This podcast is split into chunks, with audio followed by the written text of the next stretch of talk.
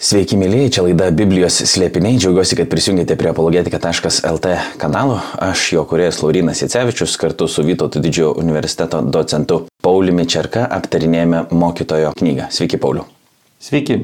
Džiaugiamės, jeigu klausotės mūsų taip pat ir per Marijos radiją ar XFM radio stotį, o tie, kurie esate prisijungę prie apologetika.lt YouTube kanalo, kviečiu jį užsiprenumeruoti, jei dar to nepadarėte. Jeigu patiks tai, ką kalbėsime, paspauskite irgi nykštį, parašykite ką nors ar klausimą, ar komentarą, ar kritikos, pažiūrėkite, pažiūrėkite ką tik norite, tai padeda YouTube algoritmui mus atrasti.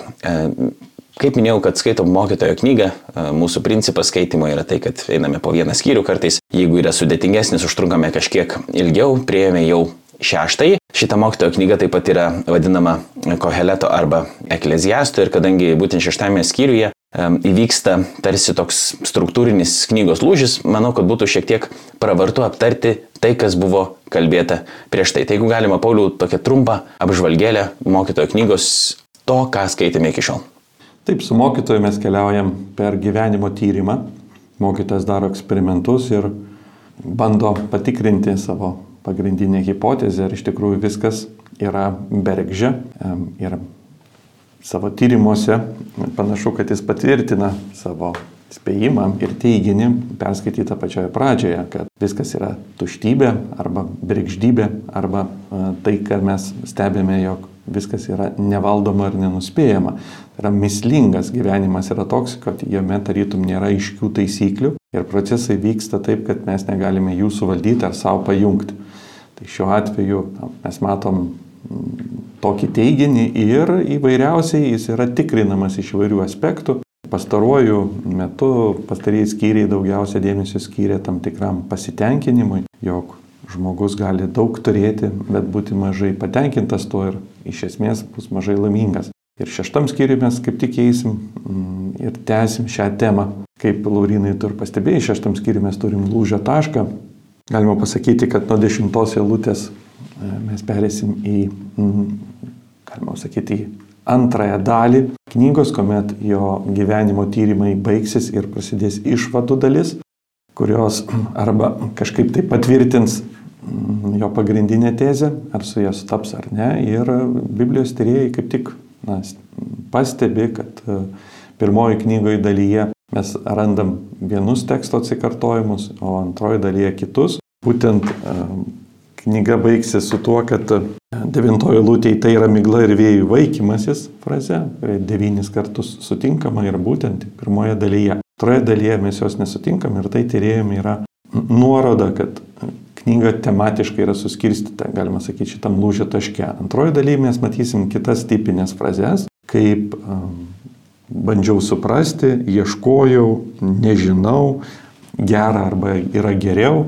Ir tos frazės bus būdingos antrai daliai. Taigi, taip tyrėjai atskiria, kad čia yra kokybinis lūžis. Šiuo atveju, čia aš pacituočiau žinomą biblistą Adisoną Vraitą, jo skirstimą, su kuriuo pakankamai nemažai biblistų sutinka. Suprantama, kad nėra vienos nuomonės, jų yra įvairių, tačiau šitam skyriuje na, esantis lūžis yra daugelio pastebimas. Reiškia, mes turim įžangą, turim tematinius, na, galime pasakyti, du didelius skirsnius ir toliau turime išvadas, epilogą, galima taip sakyti. Tai vad, pirmoji dalis būtų tyrimų dalis, gyvenimo tyrimai, bandymai, antroji dalis būtų um, gyvenimo išvados. Arba iš tų tyrimų išplaukiančios išvados. Tai kaip gyventi, jeigu gyvenimas yra toks nevaldomas.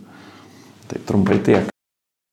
Dar būtų galima tikriausiai prisiminti tai, kad šita knyga Joje mes girdime du balsus, tai yra autoriaus ir mokytojo. Ir e, bent jau kiek pradžioje kalbėjome, tai mokytojo balsas yra tarsi e, proto balsas, autorius daugiau atspindi tikėjimo balsą. Ir po to dar autorius prabils e, knygos pabaigoje, darys savo jau apibendrinimą po mokytojo apibendrinimo ar išvadų, jeigu taip galėtumėm pasakyti. Ir Kitas dalykas, kuris galbūt yra svarbus, apie ką jau pradėjot kalbėti, ką tik tai yra apie knygos skirstimą.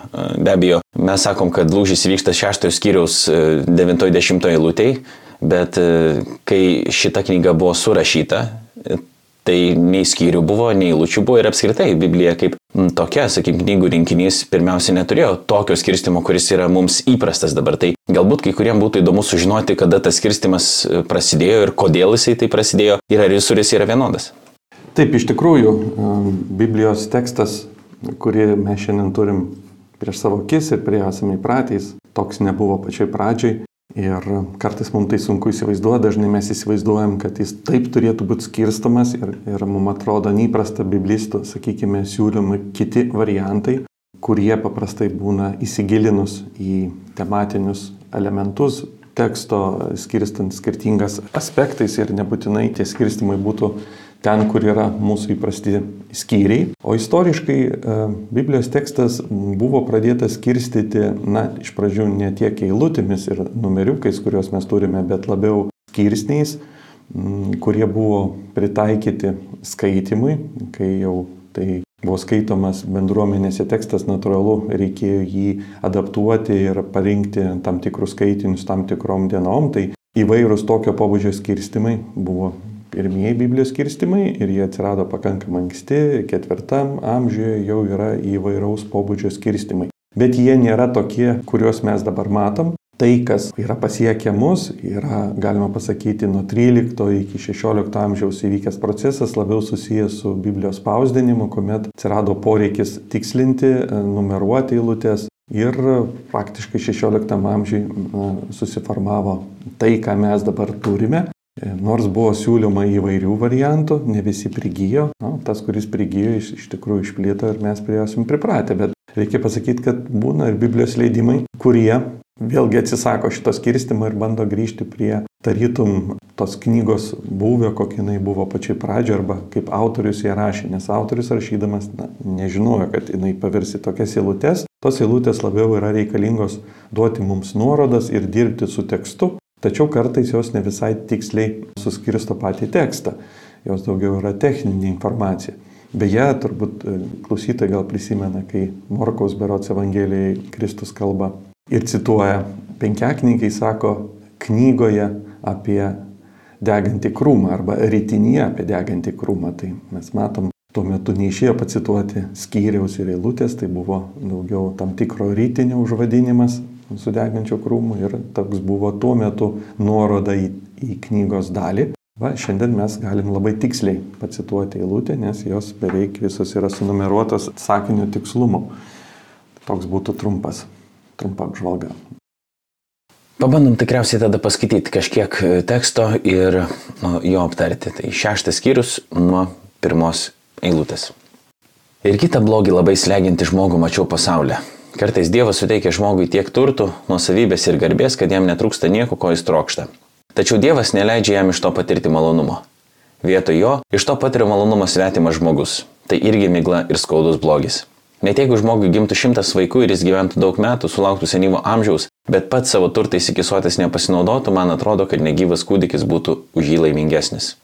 Nors jis tik kaip mėgla ateina ir į tamsą išeina, nors jo vardą dengia tamsa ir jis neturi kapo, nors jis niekada nematė saulės ir nieko nepažino, vis vien negyvas gimęs kūdikis ilsisi ramiau už aną. Net jeigu žmogus ir dusik po tūkstantį metų gyventų, bet nerastų pasitenkinimo, tai argi abu jie neina į vieną ir tą pačią vietą. Iš tiesų temos e, kartojasi, jau buvo kalbėta irgi apie tai, kad yra didelis blogis nepasinaudoti tuo, ką užgyvenai ir jeigu kažkam kitam tai atitenka. Taip pat ir buvo kalbėta apie kapą kaip paskutinę tokią vietą, į kurią patenka ne tik žmogus, bet ir gyvūnas miršta ir iš principo į tą pasaulį išeina, bet e, net sunku tai pavadinti tikriausiai, nes e, mes diskutavom praėjusiu kartą, ar mokytojas pats tiki po mirtinių gyvenimo ir jis turi tokią perspektyvą. Ir jūs sakėt, kad e, jisai, kadangi yra proto balsas, protas daugiau nemato, jis negali tokio pažinimo turėti, bet tai nereiškia, kad, pomir... kad Biblija mokytų, pavyzdžiui, kad po mirtinio gyvenimo nėra ir kad tokia būtų knygos idėja. Čia taip mokytojas sako, vadovaudamasis to, ką jis patyrė ir visiškai savo protu, jam taip atrodo. Ne, ir po to galima su juo kažkaip polemizuoti ar žiūrėti ir autorius taip pat galiausiai apibendrins, aptars, darys kažkokias išvadas, bet pabandykim galbūt sustoti ties uh, ta vieta, kuri čia matyt, man tai atrodo, yra esminė, kad vertindamas tą gėrį ar laimę, kurią žmogus trokšta patirti, ir tai yra geras dalykas, jis sako, kad netgi nebūtis arba mirtis yra geriau už nepasinaudojimą to gyvenimo triūso vaisiais. Tai geriau apskritai netriūsti, net negimti, neturėti tos gyvenimo dovanos, negu kad visą gyvenimą triūsti ir nerasti tame pasitenkinimo ir laimės. Kaip reikėtų šitą vietą suprasti. Ir tai nėra kažkoks per, pernelyg pesimistinis požiūris, kad tarsi vienintelis džiaugsmas gyvimu būtų tada, jeigu tu sugebėsi iš tikrųjų gyventi laimingą gyvenimą. Ir jeigu esi kažkiek nelaimingas, tai gal geriau ir būtum negimęs.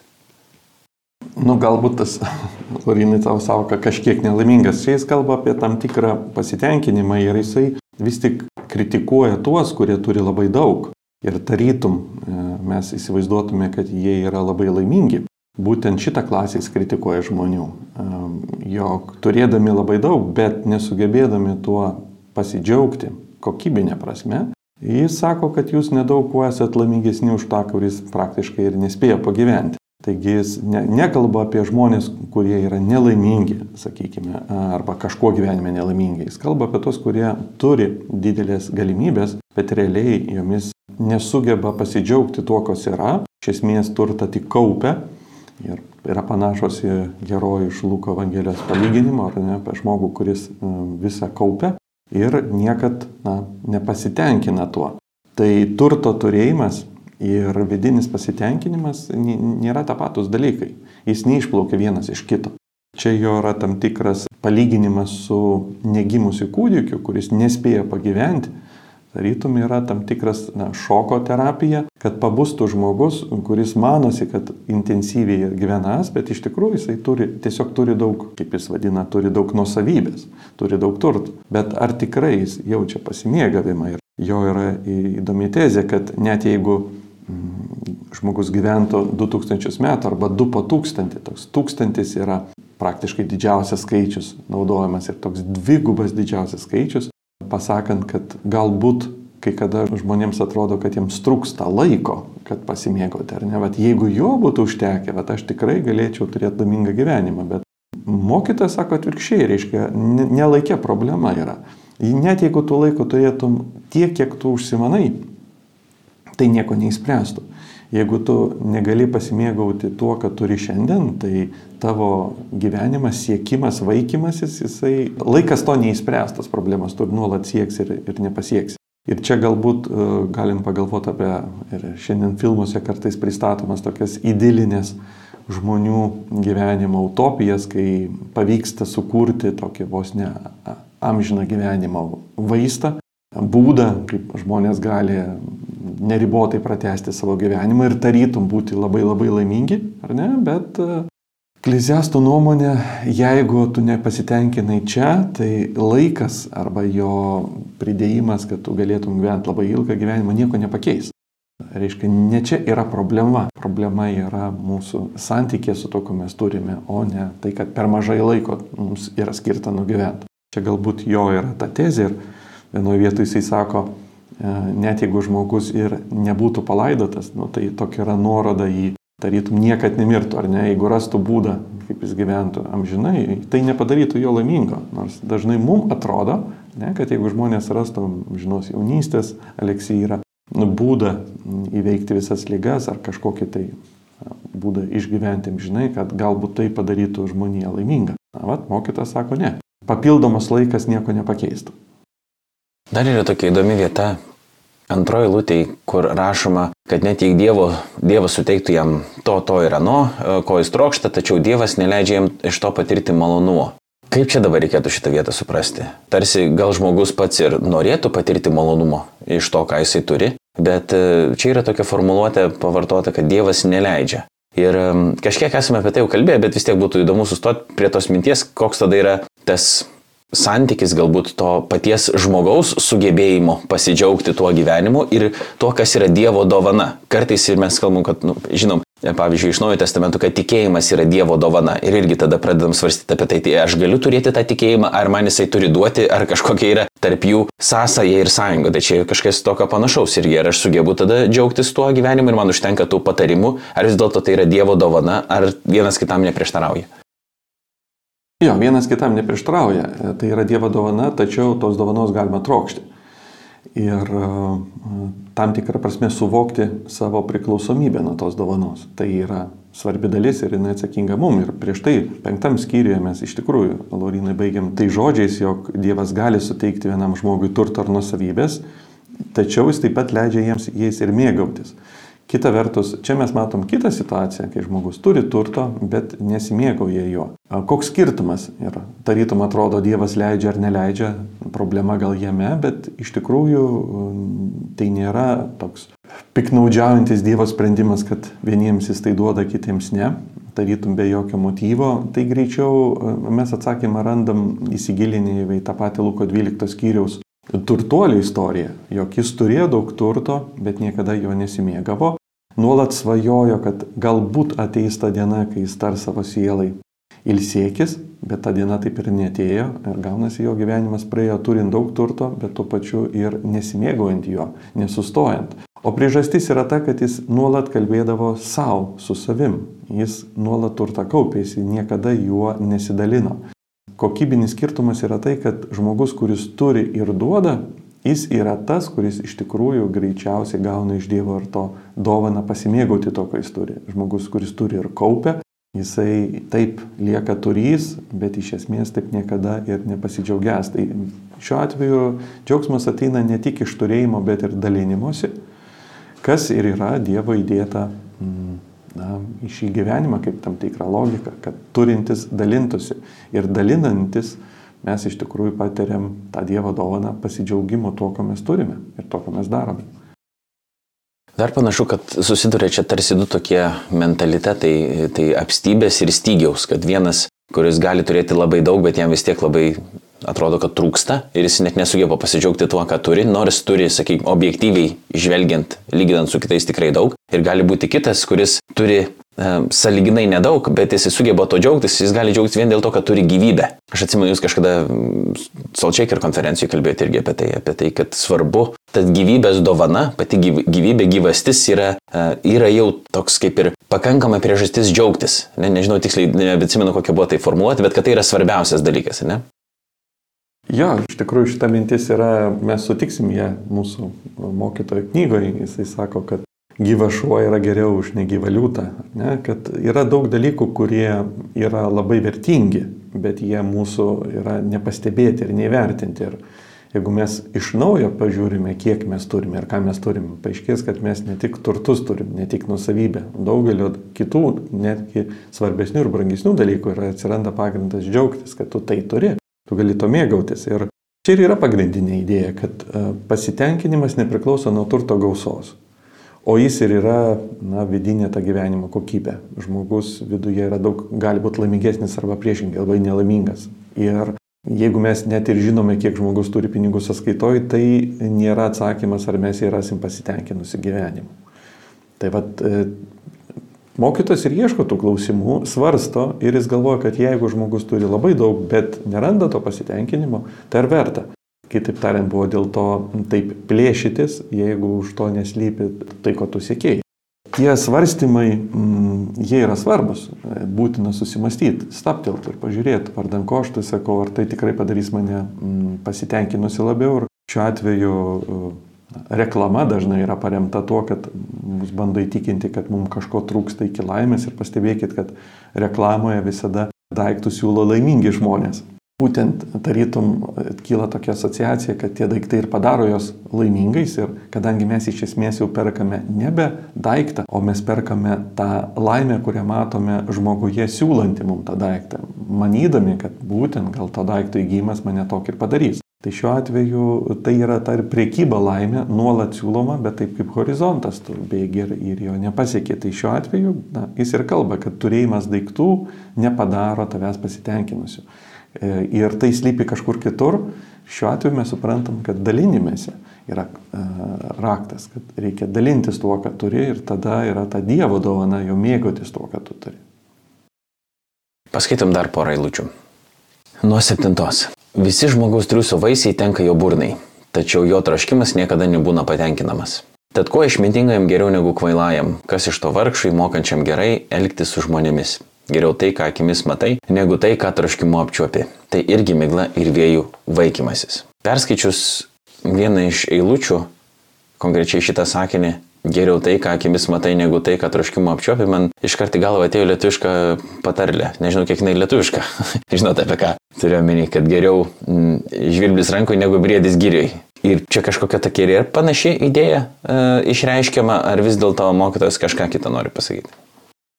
Ne, praktiškai ta idėja ir yra, kad e, dalykus, kuriuos tu turi, tu juos gali matyti a, ir dalykus, kurių tu neturi, gali jų vaikytis.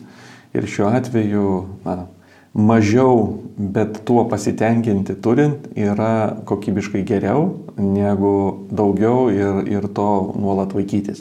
Skirtumas yra tas vaikymasis, kuris tave sekina, ne? o turėjimas, jeigu tu pasitenkini tuo, ką matai, ar ne, yra tave tarytum suteikia tam tikrą vidinį pasitenkinimą arba džiaugsmą. Tai šiuo atveju čia tik išreikšta kitais žodžiais, bet idėja tikrai yra ta, kad tai, ką matai akimis, yra tai, kad tu turi gal ir mažai, bet tu tai turi.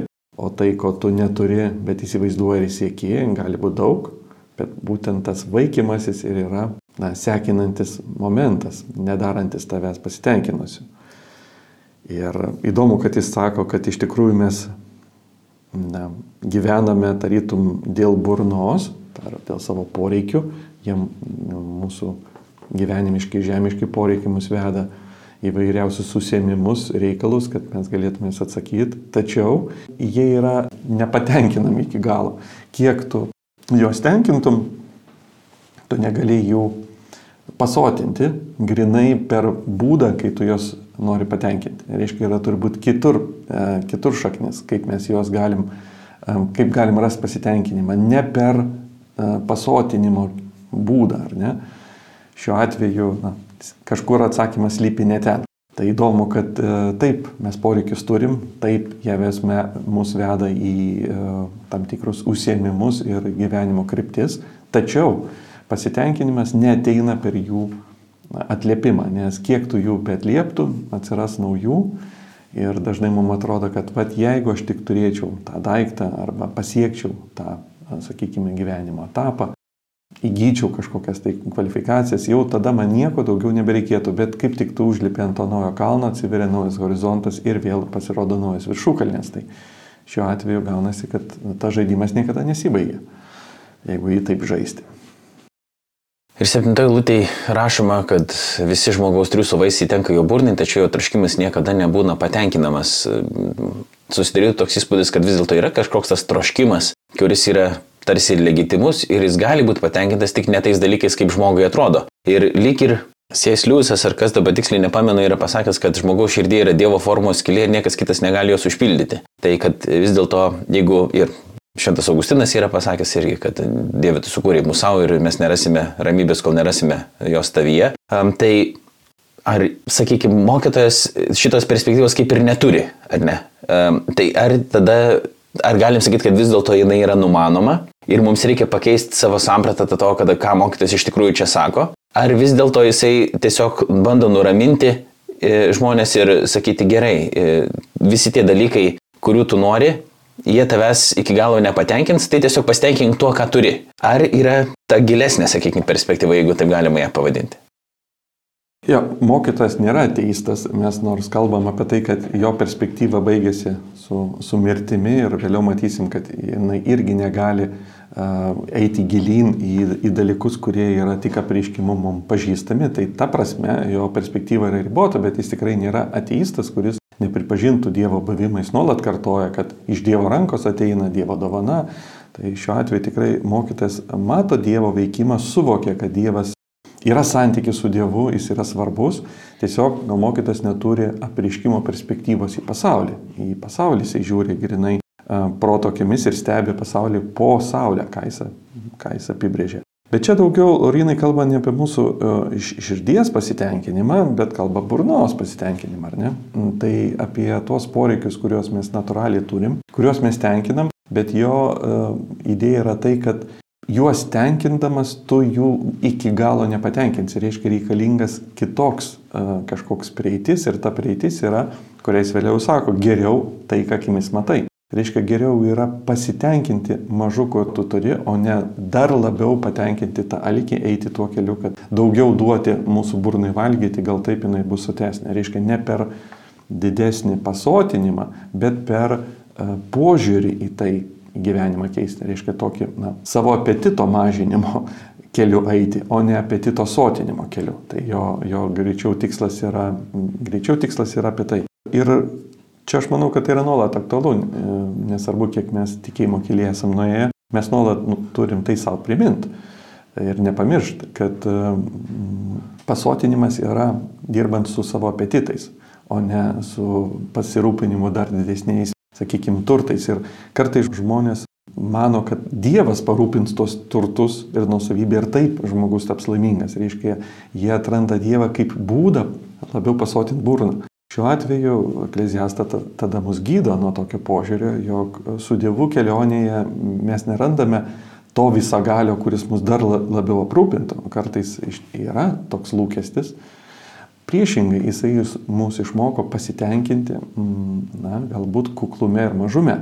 Tai vad iš ten mes gauname jo dovaną turėti pasitenkinamumą, o ne dar didesnius, sakykime, nusavybės ar, ar turtus ar, ar kitus dalykus. Tai, tai, tai yra aktualu mums. Baigiam skaityti skyrių nuo dešimtos eilutės. Kas tik įvyksta, tas jau seniai buvo numatyta ir žinoma, kad įvyks. Žmogus negali ginčyti su stipresniu už save. Dažnai juo daugiau žodžių, juo daugiau miglos. Tad kokia žmogui iš to nauda?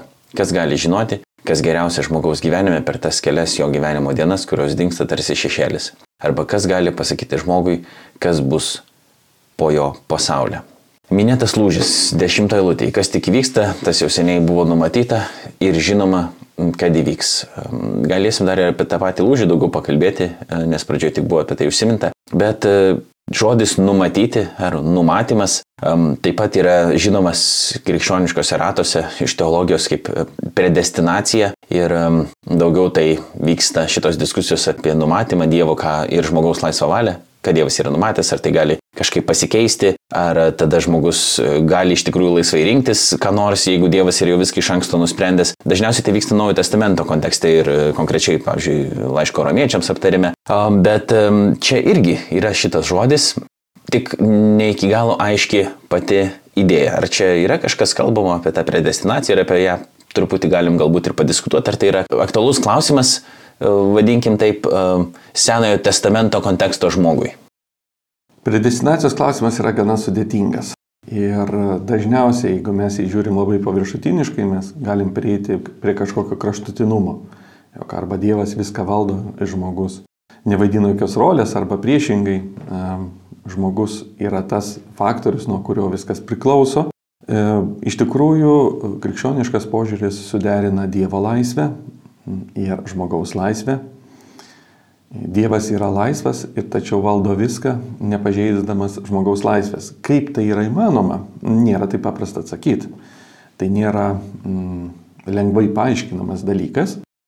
Teologai pateikė įvairių modelių, kaip galima suderinti tai būtų ir, na, kaip ir sakiau, nėra vieno modelio ir, ir, ir kadangi mes susidurėm su gilia Dievo išmintimi, natūralu, kad mes negalime jos išnagrinėti taip kaip kažkokio tai daikto, ne? nes kalbam apie kažką, kas yra aukščiau nei mūsų pažinimas. Ir predestinacijos tema būtent ir predestinacijos sprendimai yra kylantis iš begalinės Dievo išminties. Todėl bet koks mūsų svarstymas yra tik tai kažkiek priartėjimas prie tos temos, bet nereikia turėti lūkesti, kad mes įveiksim šį galvosakį, kaip iš tikrųjų Dievas daro sprendimus savo begalinėje išmintyje. Paštalas Paulius, kalbėdamas šią temą romiečiam laiške, jisai tarytum sušunka ir nustemba, o begalinė išmintie, o jos giliai, o jos turtai. Būtent e, ta nuostaba ir e, suvokimas, kad tu stovi prieš kažką labai didingo ir turėtų būti mūsų nuostaba, nuostata, kai mes kalbam šią sudėtingą temą, e, jinai yra ir Sename testamente, galbūt netaip aiškiai išreikšta kaip Naujajame. Naujajame mes turime tos paslapties apriškimas pasiekia mus pilnatvėje, tiek, kiek žmonėms yra duota ir mes daug daugiau pamatome, ypatingai Kristaus asmenyje, Dievo plano modelį, kaip, e, kaip viskas buvo mm, sugalvota būtent prieš pasaulio sukūrimą. Ir apaštalas Paulius savo laiškose mini tą tokį siriškimą prieš pasaulio sukūrimą. Natūralu, kad ekleziastas jis negali išvelgti proto akimis į Dievo planus, kurie būtų prieš pasaulio sukūrimą, arba čia loginė prasme prieš, nelaikinė prasme prieš. E, lygiai taip pat kaip jis negali peržengti po mirties arba tos prisikelimo vilties proto akimis, jis negali pamatyti ir tos pačios pačios pradžios proto akimis, jis mato ribotai, taigi e, tai yra jo požiūris, tam tikras teisingas, bet ribotas požiūris. Ir tai, ką jis mato, jau jisai sugeba pamatyti, kad gyvenimo procesai yra nulemti prieš tai buvusių, prieš tai buvusių, prieš tai buvusių ir turi tam tikrą uh, sakykime, ištakas nesusijusios su manimi čia ir dabar. Daug kas vyksta aplink mane ir mano gyvenime buvo priežastys lypė ne su manimi, ne su mano sprendimais. Čia pagrindinė jo gal idėja yra ta, kad mes e, pilnai negalime pasirinkti ir valdyti viso, kas yra ir su mumis, ir aplink mus. Tai labiau galbūt e, artimesnis jo supratimas, kuris buvo pastoikus, turbūt, galima sakyti, kurie irgi svarstė, kad viskas yra nulemta ir žmogui tenka labiau spręsti, kaip susitaikyti su tuo, kas yra jo gyvenime, na, kovoti, sakykime, su šituo dalyku, negu bandyti e, įsivaizduoti, kad tu gali padaryti, ką tik norėtum. Čia Aurelijų, Marko Aurelijų skaitant ar nedažnai e, persidoda ta mintis, kad, kaip jisai sako, kas tik tau beivyktų, jis laukia įvykstant nuo pačios laiko pradžios. E, panašu, kad e, mokytojas yra artimas galbūt tokiam teiginiui, kuris neapibūdina viso Dievo valdymo, kurį mes kaip krikščionys jau bandome suprasti, bet greičiau skatina mus į, į suvokti savo ribotą rolę na, gyvenime. Ne, kad nėra taip, kad mes esame pradžia ir pabaiga, mes nulėmėme visus dalykus arba juos pasiekėme. Tai yra jis kovoja su tam tikru perdėtų pasitikėjimu savimi ir tai, kad aš galiu pasiekti, galiu, galiu nueiti ten, kur nusprendžiu, toks, reiškia, dažnai būna vyruojantis hiperpozitivizmas ir pasitikėjimas savimi, tai jis konkrečiai kovoja su tokiu uh, mąstymu, kad viskas mano rankose, rodydamas, kad pažiūrėk, pagalvok, kiek daug procesų, jie yra, ne, nekyla iš tavęs, jie kyla jau prieš tave ir dar prieš, prieš, prieš ir mes nesuprantam jau iš kur. Tai šiuo atveju jo stebėjimas yra toks, kad procesai vyksta, gyvenimas kažkokiu būdu vyksta, o tu jame dalyvauji ir jo nevaldai. Tai sakyčiau, tai nėra mokymas visą apimantis ir tikrai galbūt savė neturi tos apriškimo dalies, kurią mes šiandien kaip tikintis mm, tikime Dievo apvaizdą ir jos valdymu, bet jame yra pakanka to, kad padarytų mus kuklesniais.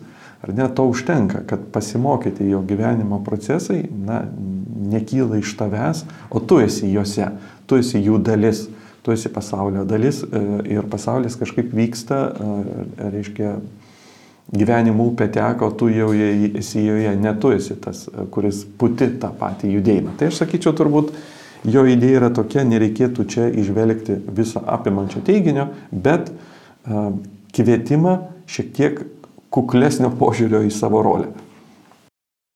Ir pabaigai galim pabaigti plėtoti tą o, lūžio mintį, minėjot, kad prieš tai Daug buvo kalbama apie dalykus, kurie yra migla ir apie gyvenimo eksperimentą, o dabar jau tarsi nuo šitos vietos prasidės e, išvadų darimas. Aišku, mes dabar paskaitę vien tik tais e, šeštos skyriaus pabaigą, to dar negalim suprasti, reikia skaityti, skaityti toliau, bet kodėl mums yra svarbu atkreipti dėmesį į knygos struktūrą apskritai, nes dažniausiai mes e, skaitydami, paprastas šventojo rašto skaitytojas, sakykim, tas toks e, krikščionis, e, kuris skaito tekstą, jis be abejo pastebi tam tikrus dalykus naratyvo, jeigu jis yra naratyvas arba kažkokio taip vat, teksto, kuris yra tarsi monologo formų dėliojamas kaip, kaip čia, bet nebūtinai atsižvelgia į tam tikrus kompozicijos modelius arba vietas, kurios yra reikšmingos kompozicijai, kurie, kuriomis autoriai taip pat komunikuoja, nes jie komunikuoja ne tik tekstu, kuris yra pasakytas, bet komunikuoja ir kitais dalykais. Tai kiek tai yra svarbu mums skaitintiems šventą raštą? Tai be, be abejonės yra svarbu, nes e, autorius rašo knygas, švento rašto knygas, kurias mes randam šventame rašte, nu, su tam tikrais užmanimais ir Suprantama, kad kartais mes galim pacituoti atskirą sakinį ir tai yra viskas visiškai normalu, bet siekiant giliau suprasti vienos ar kitos uh, minties esmę, būtina žinoti kontekstą ir pačią knygos idėją, kaip jinai yra struktūriškai suformuota. Kartais uh, labai verta pasižiūrėti turinį, nes dažnai turinys skyrių užvadinimai ir paskirstimai tau leidžia suprasti tam tikras idėjas iš paukščio skrydžio, tarytum kaip autorius jas dėsto, nes labai lengva pasiklysti labirintose detalėse ir nepamatyti to bendro vaizdo. Tai būtent dėl to mes žiūrime į biblistų, egzegetų tyrimus ir iš tikrųjų labai vaisingus tyrimus, kad mes periname kokybiškai į naują dalį, tarytum išvadų dalį išvadų iš to, kad jeigu mes visko taip nevaldome ir viskas taip yra chaotiška, tai kaip toliau gyventi? Ar galima turėti kažkokių tai išvalgų iš to ir pasirodys galima. Mes pradėsime nuo tų, kad yra geras vardas vertesnis už kvapno aliejų. Bus sekanti eilutė, tai tam tikras, sakykime, patarimas, kad netgi tam na, rūke, kuomet tu negali suvaldyti visų procesų, vis tiek tu gali vadovautis tam tikrais tam tikrom idėjom, kurios gali būti prasmingos ir jos galų gale ves mus į galutinės knygos išvadas, kurios e, bus kvies e, bijoti Dievo. Jeigu gyvenimas yra toks nevaldomas, tai ar nevertėtų e, mums priklausyti nuo to, kuris jį kažkaip tai valdo.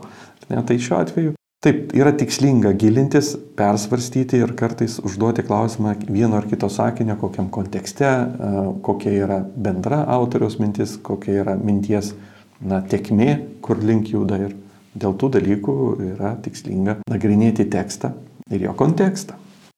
Ačiū Pauliu, ačiū visiems, kurie buvote, esate ir viliuosi dar būsite kartu su mumis. Jeigu dar to nepadarėt, kviečiu užsiprenumeruoti apologetika.lt YouTube kanalą, panagrinėti. Jį gal rasi dar ką nors naudingo ir įdomaus savo. Kitą kartą jau griepsime mokytojo septintą skyrių ir žiūrėsime jo išvadas. Ačiū dar kartą visiems, ačiū Pauliu, iki kito sustikimo. Sudėv.